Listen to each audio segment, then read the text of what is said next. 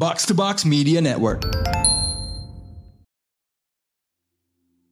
Lisir wangi Seliramu tumaking sirno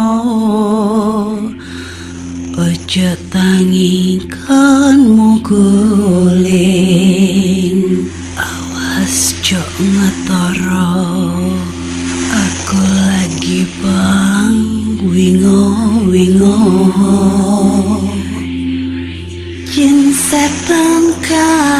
tak utusi Dudio sembarang layu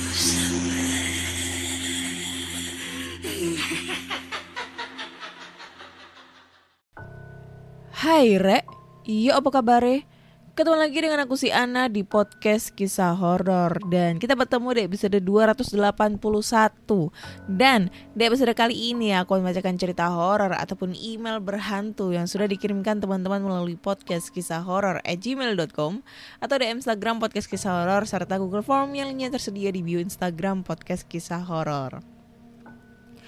Oke, jadi sebelum aku bacain cerita horor nih yang udah masuk di email, aku pengen nawarin ke kalian. Jadi ini tadi gue dikirimin, dipaketin ya, paket gitu, Eh, parfum, baunya enak banget sumpah.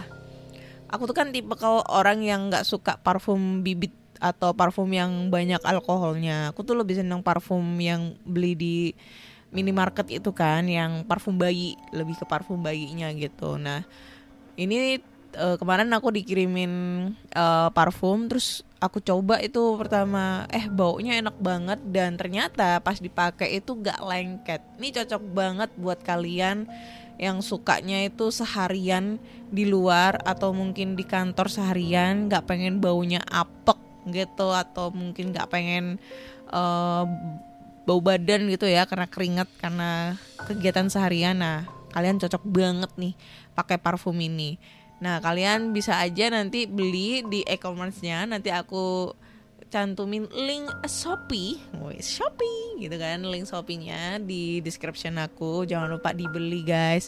Harganya terjangkau, kualitasnya premium dan gak bakalan nyesel deh. Aku coba itu kemarin sampai 8 jam itu masih wanginya masih nempel gitu. Gila kan? Seharian tuh wanginya masih nempel. So buat teman-teman nih, gue percaya kalian tuh kayak kaya semua. Udah beli ya parfumnya. Dibeli parfumnya guys ya. Kita bagi-bagi rezeki buat teman-teman nih. Kalau teman-teman punya dagangan UMKM bisa nih eh langsung kabar-kabarin ke aku ke DM atau ke mana pun buat dipromoin gitu gratis eh, nggak pakai biaya apa pun kalau misalnya ini dagangannya makanan ya dipaketin aja ya. Kalau barang nggak usah deh gue nggak terima ba eh, bukan nggak terima tapi nggak usah lah mending gue promoin syukur-syukur ada yang beli. Tapi ya aku percaya deh pendengar podcast kisah horor itu mau ngebeli gitu ya bantu-bantu nih ya dibantu prok-prok-prok gitu guys. Ya dibeli ya. Jangan lupa dibeli parfumnya parfum rain parfum hujan gitu kan. Oke langsung aja kita masuk ke cerita horor yang udah masuk di email nih dan cerita pertama ini eh, datang dari Kak Yuli. Berjudul rumahku banyak setannya. Oke. Dia nyantumin nama Instagram sama WA hmm Instagramnya kalau misalnya ini boleh aku post eh, boleh aku ini nggak ya? Eh, nama Instagramnya tuh y1988 underscore. Mungkin teman-teman pengen eh, mampir eh, silaturahmi ke Instagramnya Kak Yuli boleh nih ya. Assalamualaikum. Aku pengen nyeritain kisah nyata yang terjadi di rumah aku. Maaf ya kak. Kalau jadinya kepanjangan Dan kurang rapi. Aku Yuli. Aku asal Kalimantan Timur, Samarinda Aku kelahiran tahun 1988 dan sekarang umurku sudah 35 tahun. Aku anak ke-11 dari 12 bersaudara, buset banyak. Di sini aku mau cerita tentang kejadian-kejadian aneh bin mistis gitulah di rumahku. Berawal dari tahun 2006, aku mulai bisa ngerasain hal-hal mistis ini.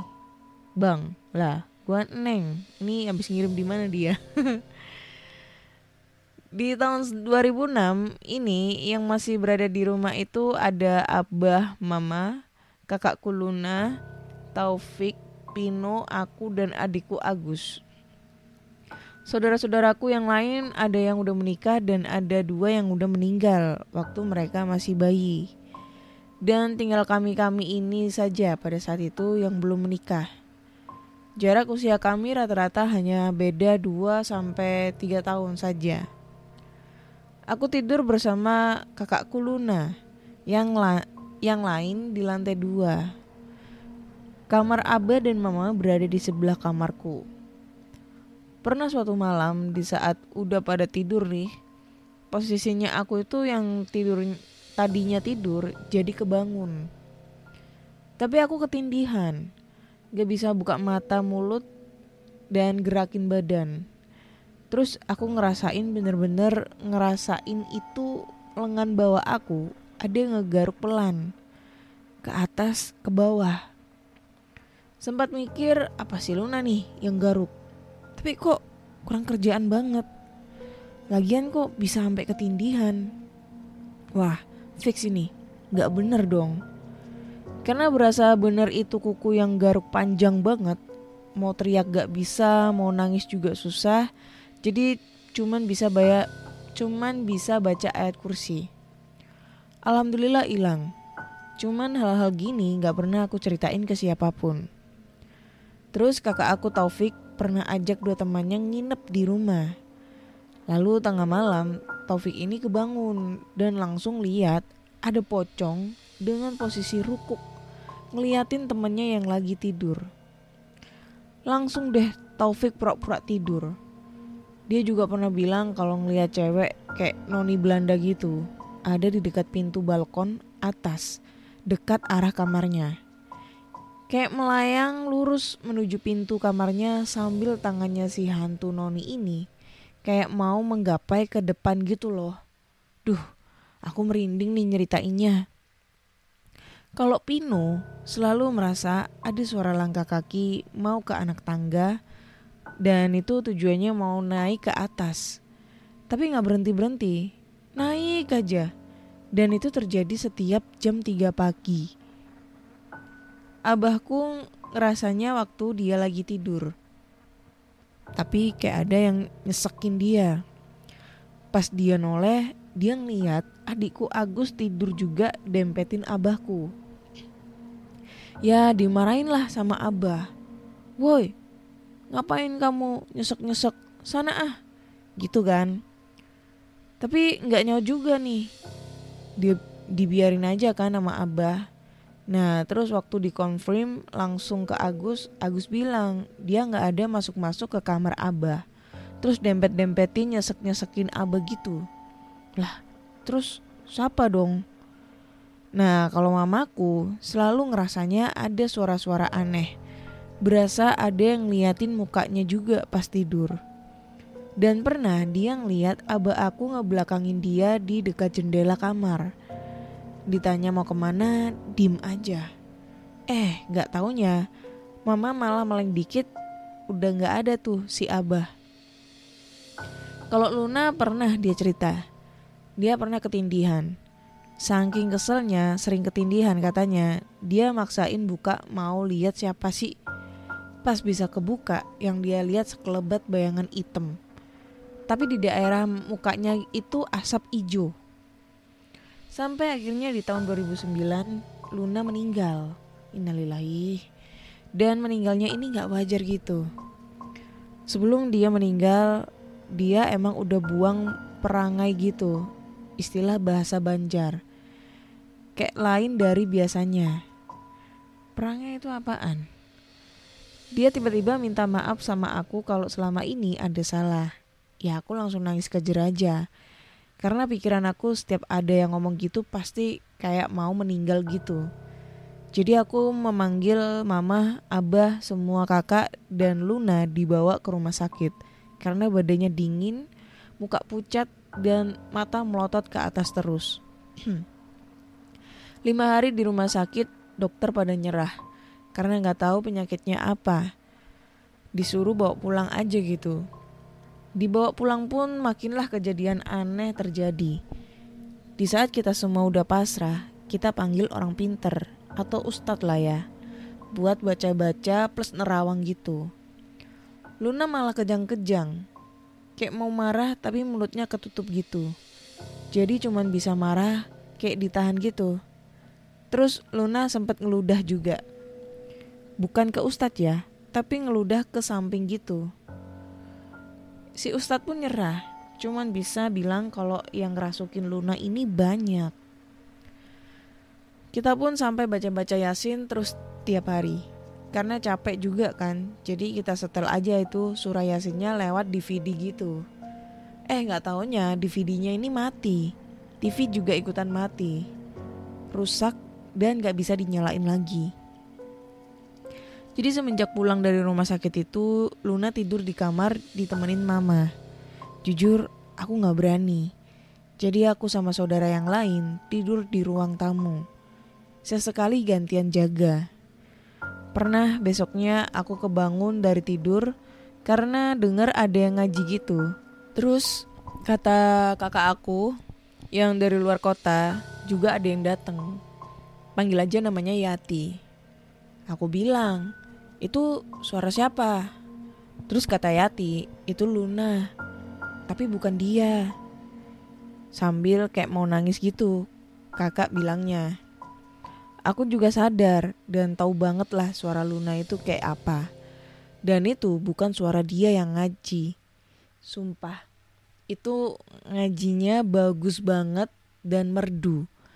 Tapi ya walau gimana pun juga, kalau keluarnya dari mulut Luna dan kita-kita tahu itu bukan dia, tetap aja bikin merinding. Sampai tiba waktu mama sama abah sepakat buat bawa Luna ke kota Banjarmasin, Kalimantan Selatan.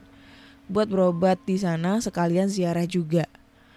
Kebetulan di sana memang kota kelahiran abah sama mama. Jadi mereka masih ada rumah juga di sana. Dan kebetulan waktu itu mereka nginepnya di rumah mama. Di sana juga ada adik mamaku beserta keluarganya yang memang diemin atau tinggal di rumah mama itu. Peninggalan ortu mama. Jadi banyak juga yang bisa gantian jagain Luna. Abah juga sampai manggil orang-orang masjid di sana. Ustadz-ustadz di sana juga buat bantu sembuhin Luna. Jadi tiap pagi sampai sore Luna ini baik-baik aja. Begitu malam kumat, kumatnya itu dia nyanyi sendiri dalam beberapa bahasa. Bahasa luar negeri semua. Entah itu Inggris, Cina, Prancis, Jerman. Gak ngerti lagi dah. Karena selalu seperti itu. Pokoknya bukan bahasa daerah Indonesia. Beberapa hari kemudian Luna dinyatakan sembuh di sana. Karena katanya di sana diadakan baca-baca ritual gitulah. Potong ayam dan sebagainya. Jujur aku gak paham juga apa harus sampai begitu. Tapi yang namanya kami ini anak-anaknya yang lagi nunggu kabar baik aja, ya udahlah, iya-iya aja. Yang penting Luna sembuh. Jadi waktu tahu Luna sembuh dan bakal pulang ke Samarinda lagi, kami sekeluarga senang banget. Aku sampai bernazar kalau Luna sembuh, aku mau puasa dua hari. Dan akhirnya tiba di mana hari Luna pulang. Waktu itu pakai mobil anak buah Abah, karena Abah punya usaha travel. PP Samarinda dan sekitarnya se, Kalimantan aja. Jadi dalam perjalanan pulang, posisi Abah sama Mama duduk di belakang kursi kedua.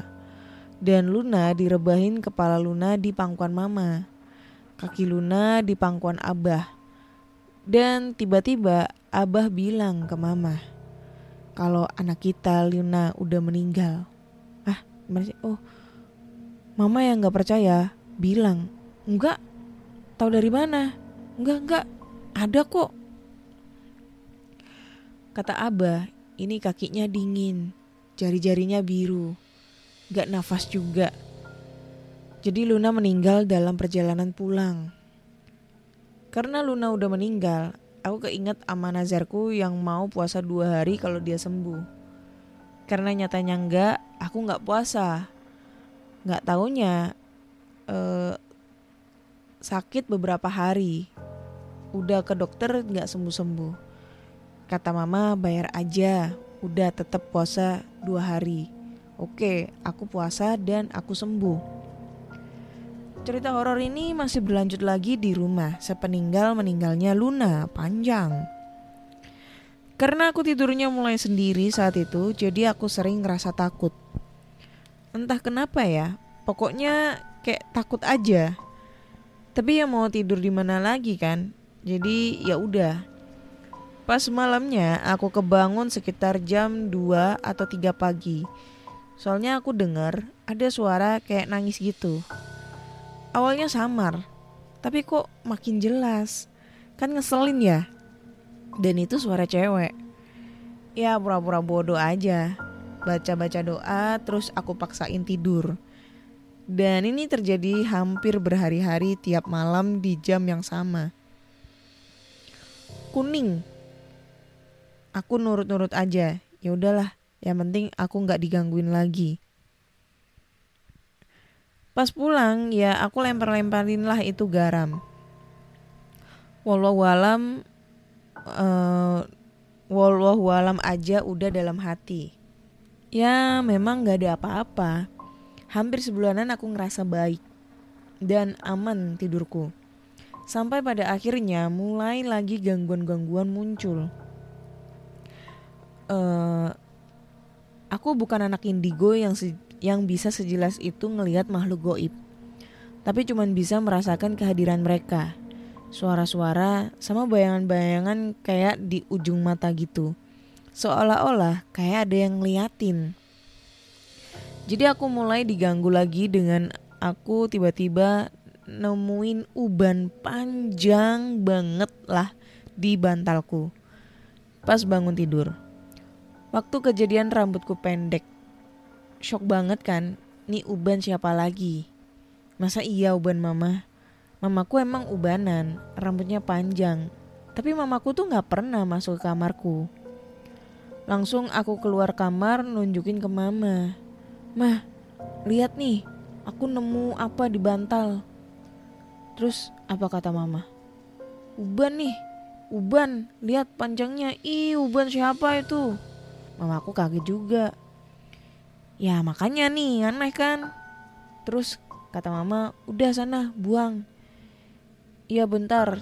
Terus aku masuk kamar lagi, aku taruh itu uban di meja rias aku. Terus aku mau ambil handuk, maksudnya mau mandi. Handuknya di kamar juga. Jadi cuma noleh sebentar ambil handuk, terus mau ambil uban tadi. Ubannya udah gak ada. Padahal jendela itu masih ketutup. Gak ada angin juga karena aku matiin. Lah kok bisa hilang? Kan aneh. Langsung merinding dan gak jadi mandi saking parnonya aku. Hari-hari berikutnya sama, selalu dengar suara-suara gak jelas. Tiap malam kayak nangis, terus suara kayak orang lagi terengah gitu.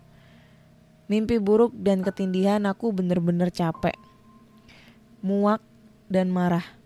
Dan seketika aku berdiri di atas ranjang aku dan aku langsung teriak-teriak maki-maki dengan sumpah serapah. Kayak dasar anjing bangsat setan kalian semua. Kenapa sih gangguin aku terus? Aku ada salah apa anjing? Aku tuh nggak takut ya. Denger, aku nggak takut. Ke sini, ke sini sekarang juga. Kalau berani dasar anjing. Aku capek, tahu nggak? Aku capek. aku ndak takut sama kamu bangsat. Awas kalau berani lagi ganggu, habis kamu. Aku teriak gitu sampai sesak nafas, ngos-ngosan sambil nangis yang marah gimana sih. Sampai mamaku ke kamar bilang, kamu kenapa? Marah-marah sama siapa? Aku bilang, marah sama hantu sialan ini yang gangguin aku terus. Mama cuma bisa istighfar dan suruh aku istighfar sama wudhu biar tenang. Ya percaya nggak percaya, abis aku marah-marah itu, aku nggak pernah lagi mimpi-mimpi buruk, ketindihan atau dengar suara-suara aneh lagi. Lumayan sangat lama, ada beberapa tahun rasanya. Palingan cuman kadang-kadang bisa ketindihan, tapi jarang banget. Dan cuman sebentar. Pikirku, ya mungkin hantunya atau setan yang suka ganggu-ganggu gitu, tinggal disumpahin aja pasti takut. Karena kita kan manusia, lebih mulia daripada mereka. By the way, aku punya kakak, tinggal di balik papan. Sebut aja dia Kak Isit. Dia pernah tahu tentang mimpi-mimpi burukku. Jadi tanpa sepengetahuan eh, aku, dia minta tolong temennya yang tinggal di Malinau buat nerawang aku. Temennya ini minta nama lengkapku sama tanggal lahirku. Setelah diterawang, dia bilang, Wah, adikmu ini ada yang mau ambil jiwanya, Sid. Tapi adikmu ini kuat. Dia nungguin di rumah sana, udah lama. Udah dari dulu mau diambil tapi nggak bisa. Kakakku bilang, kayak gimana yang ngambil ini wujudnya. Kata teman kakakku, seorang nenek-nenek, rambutnya panjang, putih. Mukanya penuh darah, gigi bertaring panjang, serta kuku-kuku jarinya yang panjang. Sontak kakakku yang dengar jadi takut dan langsung kepikiran sama aku di sini. Akhirnya dia datang ke Samarinda buat nengok aku dan nyeritakan hal itu ke aku. Aku yang dengar merinding parah. Terus sambil mikir, jadi waktu dulu yang aku lagi tidur sama almarhum Kak Luna kan ada yang ngegaruk-garuk tanganku ke atas ke bawah. Sama yang aku nemuin uban panjang itu. Berarti itu punya si nenek itu. Jadi ya aku udah sangat-sangat jarang lah digangguin lagi. Sekarang juga aku udah nikah Mei 2022 tadi. Dan karena mamaku juga udah tua dan sendiri karena abahku udah meninggal di tahun 2016. Jadi aku dan suami masih tinggal di rumah ini. Mama minta ditemenin suruh aku jangan pindah. Ya wes, aku nurut dan sekarang malah jadi suami yang sering dikasih lihat penampakan-penampakan. Oke kak, sampai di sini dulu. Terima kasih sudah berkenan mendengarkan. Wassalamualaikum warahmatullahi wabarakatuh. Oke, waalaikumsalam warahmatullahi wabarakatuh. Cerita dari Kak Yuli. Jadi plot twistnya apa nih? Maksudnya, gue masih belum belum menemukan plot twistnya. Maksudnya dalam arti ini kan niatnya dia itu mau mengambil jiwanya kak kak Yuli ya. Tapi kan ternyata yang diambil itu kakaknya gitu. Nah kenapa kok sampai bisa mau mengambil jiwanya kak Yuli gitu loh? Apakah mungkin ah duh, duh, duh, sakit. Apakah si nenek-nenek ini uh, adalah penunggu gitu kan di rumah itu atau mungkin biasanya tuh kalau yang ngambil-ngambil jiwa gitu kan karena mungkin santet atau mungkin guna-guna atau pelet dan sebagai macamnya gitu ya. Cuma di sini gue nggak nggak menemukan plot twistnya itu apa. Maksudnya setan ini kenapa kok bisa apa ya? Alasannya apa gitu loh? Kok sampai mau mengambil jiwanya si Kak Yuli gitu guys. Tapi gue kayak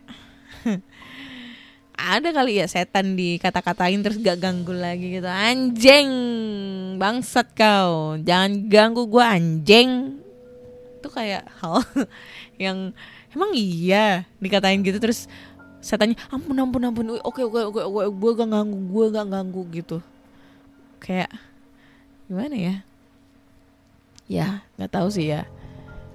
Tapi gue percaya di Kalimantan itu wah sejuta cerita mistis itu banyak banget di sana. Kalimantan itu wah, mau Kalimantan Selatan, Utara, Timur, Barat, Tengah itu pasti banyak banget cerita mistisnya dibandingkan di Pulau Jawa. Gue percaya di Kalimantan tuh paling banyak karena selain gue bilang kayak gitu kan banyak banget nih cerita horor yang udah masuk ke PKH itu tentang pengalaman horor di Kalimantan, coy.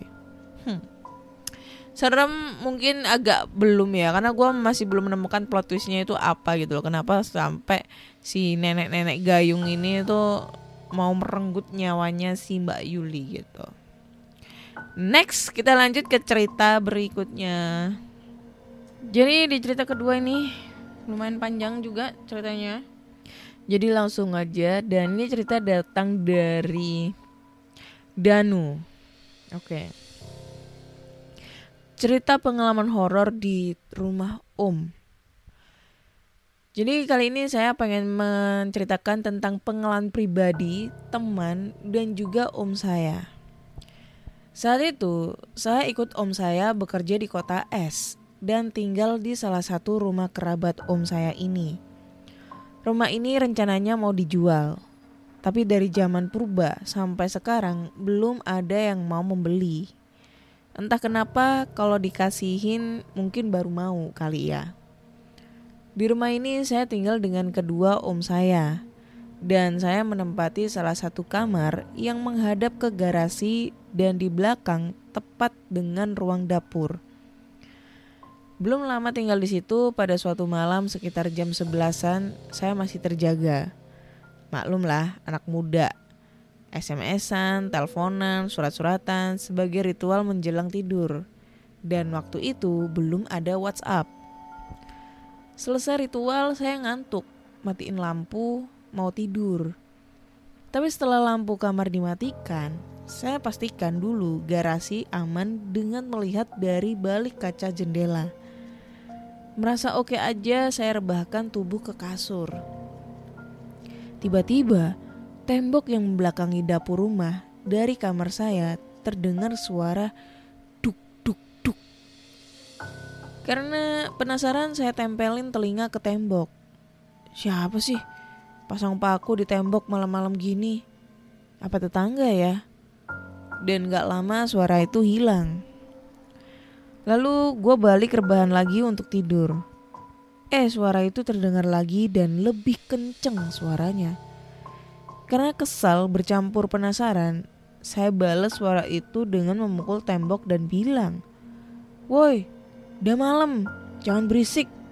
Ganggu tidur orang aja. Suara itu hilang.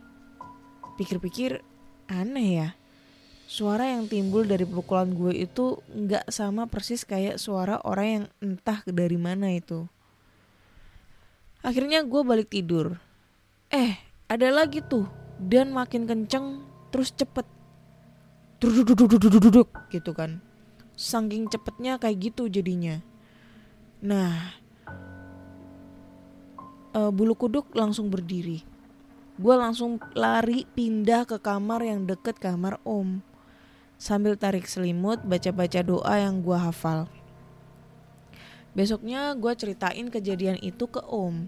Dan om cuma balas ketawa dan katanya, Jangan kaget kalau di rumah ini emang sering ada begituan. Dan yang gedor-gedor kamarmu itu jin yang berwujud anak kecil hitam. Paling dia cuma minta ditemenin main aja. Oh iya, ada lagi. Di pohon mangga besar di halaman belakang rumah itu juga ada penunggunya. Kemudian ini cerita dari om gua saat beliau masih muda. Panggil saja Om Petet. Jadi awalnya ada satu keluarga yang istrinya baru melahirkan dan anaknya sering nangis tiap menjelang malam. So, itu keluarga selalu terjaga menjaga anaknya. Om Petet yang sudah tahu bahwa anak nangis itu karena ulah kuntilanak, dia dan dua CS-nya, si E dan si A, berencana mau ngintai itu mbak-mbak Kunti. Sekalian sedia paku, biar kalau dipakuin ke si mbak, katanya bisa jadi cantik. Rencana pun dilaksanakan, berbekal keberanian yang dipaksakan. Mereka siaga dekat rumah keluarga itu. Posisi rumah itu di dekat lapangan voli yang bersebelahan dengan kebun kosong. Di situ sering nampak sosok si mbaknya. Mereka bertiga ngumpet-ngumpet di, di balik pohon pisang, berjongkok sambil lirik sana sini. Kemudian si A ini nyeletuk Mana sih si kuntinya? Si E dan Om Petet bilang, belum, tunggu aja. Paling agak malaman lagi. Lama mereka nungguin, gak nongol-nongol juga nih Mbak Kun. Sampai pada suatu menit, tiba-tiba hawa jadi dingin dan mencekam. Mereka segera siaga. Tiba-tiba nampak ada asap keluar, tapi langsung hilang lagi. Mereka kebingungan tapi nunggu lagi. Mungkin tuh asap pas mau keluar ngeliat trio om-om ini terus ngumpet lagi. Tiba-tiba mereka dikagetin suara ketawa cekikikan yang nyaring entah dari mana. Woi, ada suaranya tuh. Si E, iya tuh, dari mana arahnya? Om Petet bilang, cepet senterin. Segala penjuru mereka senterin, sementara suara tertawa itu makin nyaring. Tiba-tiba ada tepat di belakang mereka. Ketiganya menengok ke belakang, mereka ngeliat mbaknya lagi santuy duduk di atas pohon kelapa sambil ngeliatin mereka. Serempak ketiganya lari ke birit-birit kaget. Suara si mbak masih kedengeran kencang, padahal mereka udah agak jauh dari lokasi. Akhirnya mereka lelah dan berhenti. Sialah tuh, kun-kun malah ngetawain kita. Berminggu-minggu berlalu dan itu Mbak Kun pun udah gak ganggu si anak kecil itu lagi. Kemudian ini cerita aku real bikin baper, kesel, takut, campur, pokoknya udah jadi satu lah. Aku baru ngekos di kosan yang penghuni kamarnya cuma aku sendiri. Yang ngekos dulu habis diusirin Pak RT karena nggak kondusif. Jadi lumayan sepi tuh tiap malam. Nah ceritanya aku pulang kerja jam 9 malam Lengket badan dan pastilah pengen mandi Nah aku mandi tuh jam 9 lewat 30 Cuma yang bikin parno itu kamar mandinya yang di ujung koridor kamar kos Kamar mandinya ini di luar Pas aku mandi santuy uh, Itu gak ada apa-apa Abis mandi aku sekalian tuh nyuci celana kotor satu lagi enak-enak nyuci tiba-tiba lampu WC ini mati. Anjay nih lampu. Kenapa ya? Pakai mati segala. Aku mau cek-cek saklarnya yang ada di koridor. Eh udah nyala lagi. Masuk lagi dah aku, nggak jadi ngecek. Masa iya ada orang iseng ya? Pikir aku waktu itu. Tapi cuma ada aku doang kan yang ngekos. Sudahlah, lanjut lagi nyuci. Eh, nyala mati lagi nih lampu. Sambil marah-marah tapi nggak stres. Aku gebrak tuh pintu WC. Eh, setan, usil amat. Siapa sih? Sambil aku lari ke koridor, lihat saklar, siapa tahu ada yang mainin. Tapi nggak ada siapa-siapa. Padahal itu cuma beberapa detik dari pintu ke lorong tempat saklar bertengger. Gila, tambah parno aku. Nyuci gak fokus, keliru kain lap, udah ah males kelarin. Balik ke kamar aja aku. Nah pas lewat koridor kamar, kamar kos, ada suara anak ayam. Aku langsung ngibrit dan udah yakin itu kerjaan si mbak kuntilanak. Sesampainya masuk kamar, aku sedikit lega. Pakai baju dulu terus niat mau tidur. Eh, tiba-tiba depan pintu kamar ada kayak suara orang kaki yang diseret eh kayak suara kaki yang diseret-seret gitu bolak-balik aku intip dari balik tirai jendela tapi nggak ada siapa-siapa itu suara masih kedengaran hingga aku ketiduran nanya-nanya ke warga sekitar tentang kejadian semalam dan temen aku yang orang situ bilang kalau sering ada kuntilanak yang terbang ke lantai dua kos-kosan aku. Katanya di lantai dua kosan aku itu, si kuntilanak itu sering duduk di tembok balkon. Kisah lalu kemudian ini terjadi kisah rumah omaku. Ini pengalaman aku dan temen aku si A. Kejadiannya udah lama, sekitar 4 tahun. Waktu itu seorang teman si A nginep di rumah om aku. Sama aku tentunya. Di rumah itu dapurnya ada tangga buat ke lantai dua. Tapi kamar lantai dua udah gak dipakai karena udah lapuk termakan usia. Yang bikin Parno itu, pintu dapurnya itu langsung menghadap ke anak tangga lantai dua. Kenapa? Ntar juga tahu. Jadi sekitar jam 9 malam masih biasa tuh suasananya kumpul di ruang tengah sambil nobar nobar eh, terus ngudut bareng-bareng. Udah agak malam aku masuk kamar mau tidur dan si A tidur di sofa ruang tengah. Aku yang lagi asik-asik di kamar tiba-tiba kaget karena jendela kamar yang ngadep ke garasi ada yang ketuk-ketuk. Kira aku si A nih pamit dengan ketuk-ketuk ketuk-ketuk jendela mau izin keluar. Jadi aku cuekin. Tapi kok jadi ada rasa penasarannya. Lalu aku keluar kamar dan ternyata si A lagi tidur di sofa. Terus siapa nih yang ngetuk-ngetuk jendela?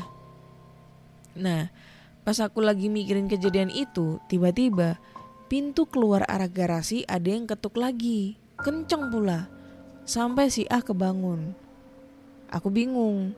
Kan pintu gerbang udah digembok, pikirku. Si A ikutan bingung juga. Siapa tuh? Malam-malam gedor pintu kayak gitu.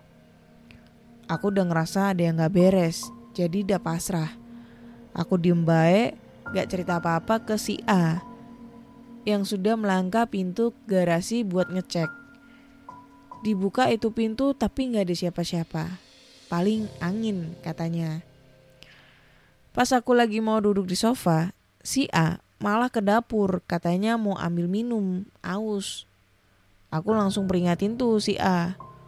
Buka pintu dapurnya hati-hati mas.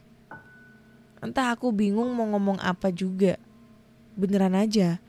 Gak lama kemudian si A tiba-tiba balik dengan panik sampai hampir nyungsep. Kenapa mas gak jadi? Tanya aku berlaga bego. Sambil ngos-ngosan dia ngomong gelagapan. Gila lu, gak ngasih tahu kalau ada penghuni lain. Ya, kan tadi aku udah minta hati-hati, pikirku. Ya udah, karena makin karena kami parno berjamaah, akhirnya bangunin Om minta izin tidur bareng sama Om. Besoknya temen aku ceritain kejadian pas mau ke dapur itu. Katanya pas buka pintu dapur ada cewek baju me baju merah, rambutnya nutupin muka, lagi berdiri pas di anak tangga. Kukunya itu panjang-panjang dan tangannya lagi mainan rambut. Setelah kejadian itu si A sakit. Doi nggak masuk kerja selama seminggu. Sebenarnya masih banyak pengalaman aku dan teman-teman aku di rumah tua di rumah omku ini. Eh, Kapan-kapan saya share lagi nih. Jadi teasernya di situ ada hantu kakek tua tak muda lagi. Kemudian ada gendruwo dua pintu, eh dua, eh, satu di pintu, satu di jendela. Tetangga kos-kosan yang suka lewat depan rumah itu juga sering ditampaki. Ada juga pengalaman lain waktu ngekos. Yang konon di tempat kos itu dulu ada cewek bunuh diri gara-gara hamil di luar nikah. Oke, panjang cerita ya.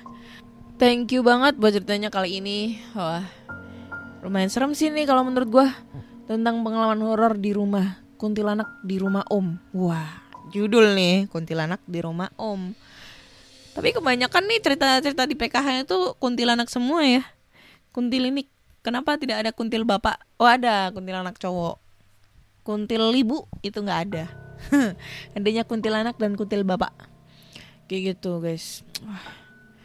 Ini sebenarnya kalau gue tuh kayak pengen punya kepikiran itu nginep di lokasi angker gitu kayak gimana ya? Kayak aduh gue punya utang lagi sama kalian yang perkara nginep di hotel Niagara ya. Alah, ntar gue pikir nih kapan ke sana. Nunggu budget nih ya. Ya kali-kali aja deh yang mau nyewer-nyewer gue ya buat nginep ke sana gitu. Terus biaya transport. Hahaha kali aja ya. Anjir anjirana. Nah udah dua tahun. Kamu cuma janji-janji doang. Busuk janjimu palsu gitu ya ya kali aja nanti ada ada ada pesangon kali ya dari temen-temen. Ya kalau kalian pengen sih nyawer aja langsung di Saweria. Kuntilanaknya disawer linknya ada di bio Instagram tuh. Nah nanti kalau udah kekumpul gue langsung deh nginep di hotel tersebut satu hari satu malam. Wah deh nanti gue bakal ngadain live. Enaknya apa nih? Cerita horor atau nge-live atau bikin YouTube? Gue nggak tahu tapi kayaknya channel YouTube gue juga gue mau hidupin nih sekali aja ada teman-teman yang pengen ngeliat-ngeliat cerita aku gitu ya jadi menurut gue ini serem banget kalau gue pikir-pikir ya. Uh, maksudnya pengalaman horor di rumah tua. Kita tahu rumah tua itu wah pasti banyak banget penunggunya ya. Uh, karena kan biasanya kalau rumah-rumah yang jadul-jadul gitu tuh uh, penunggunya juga jadul kebanyakan.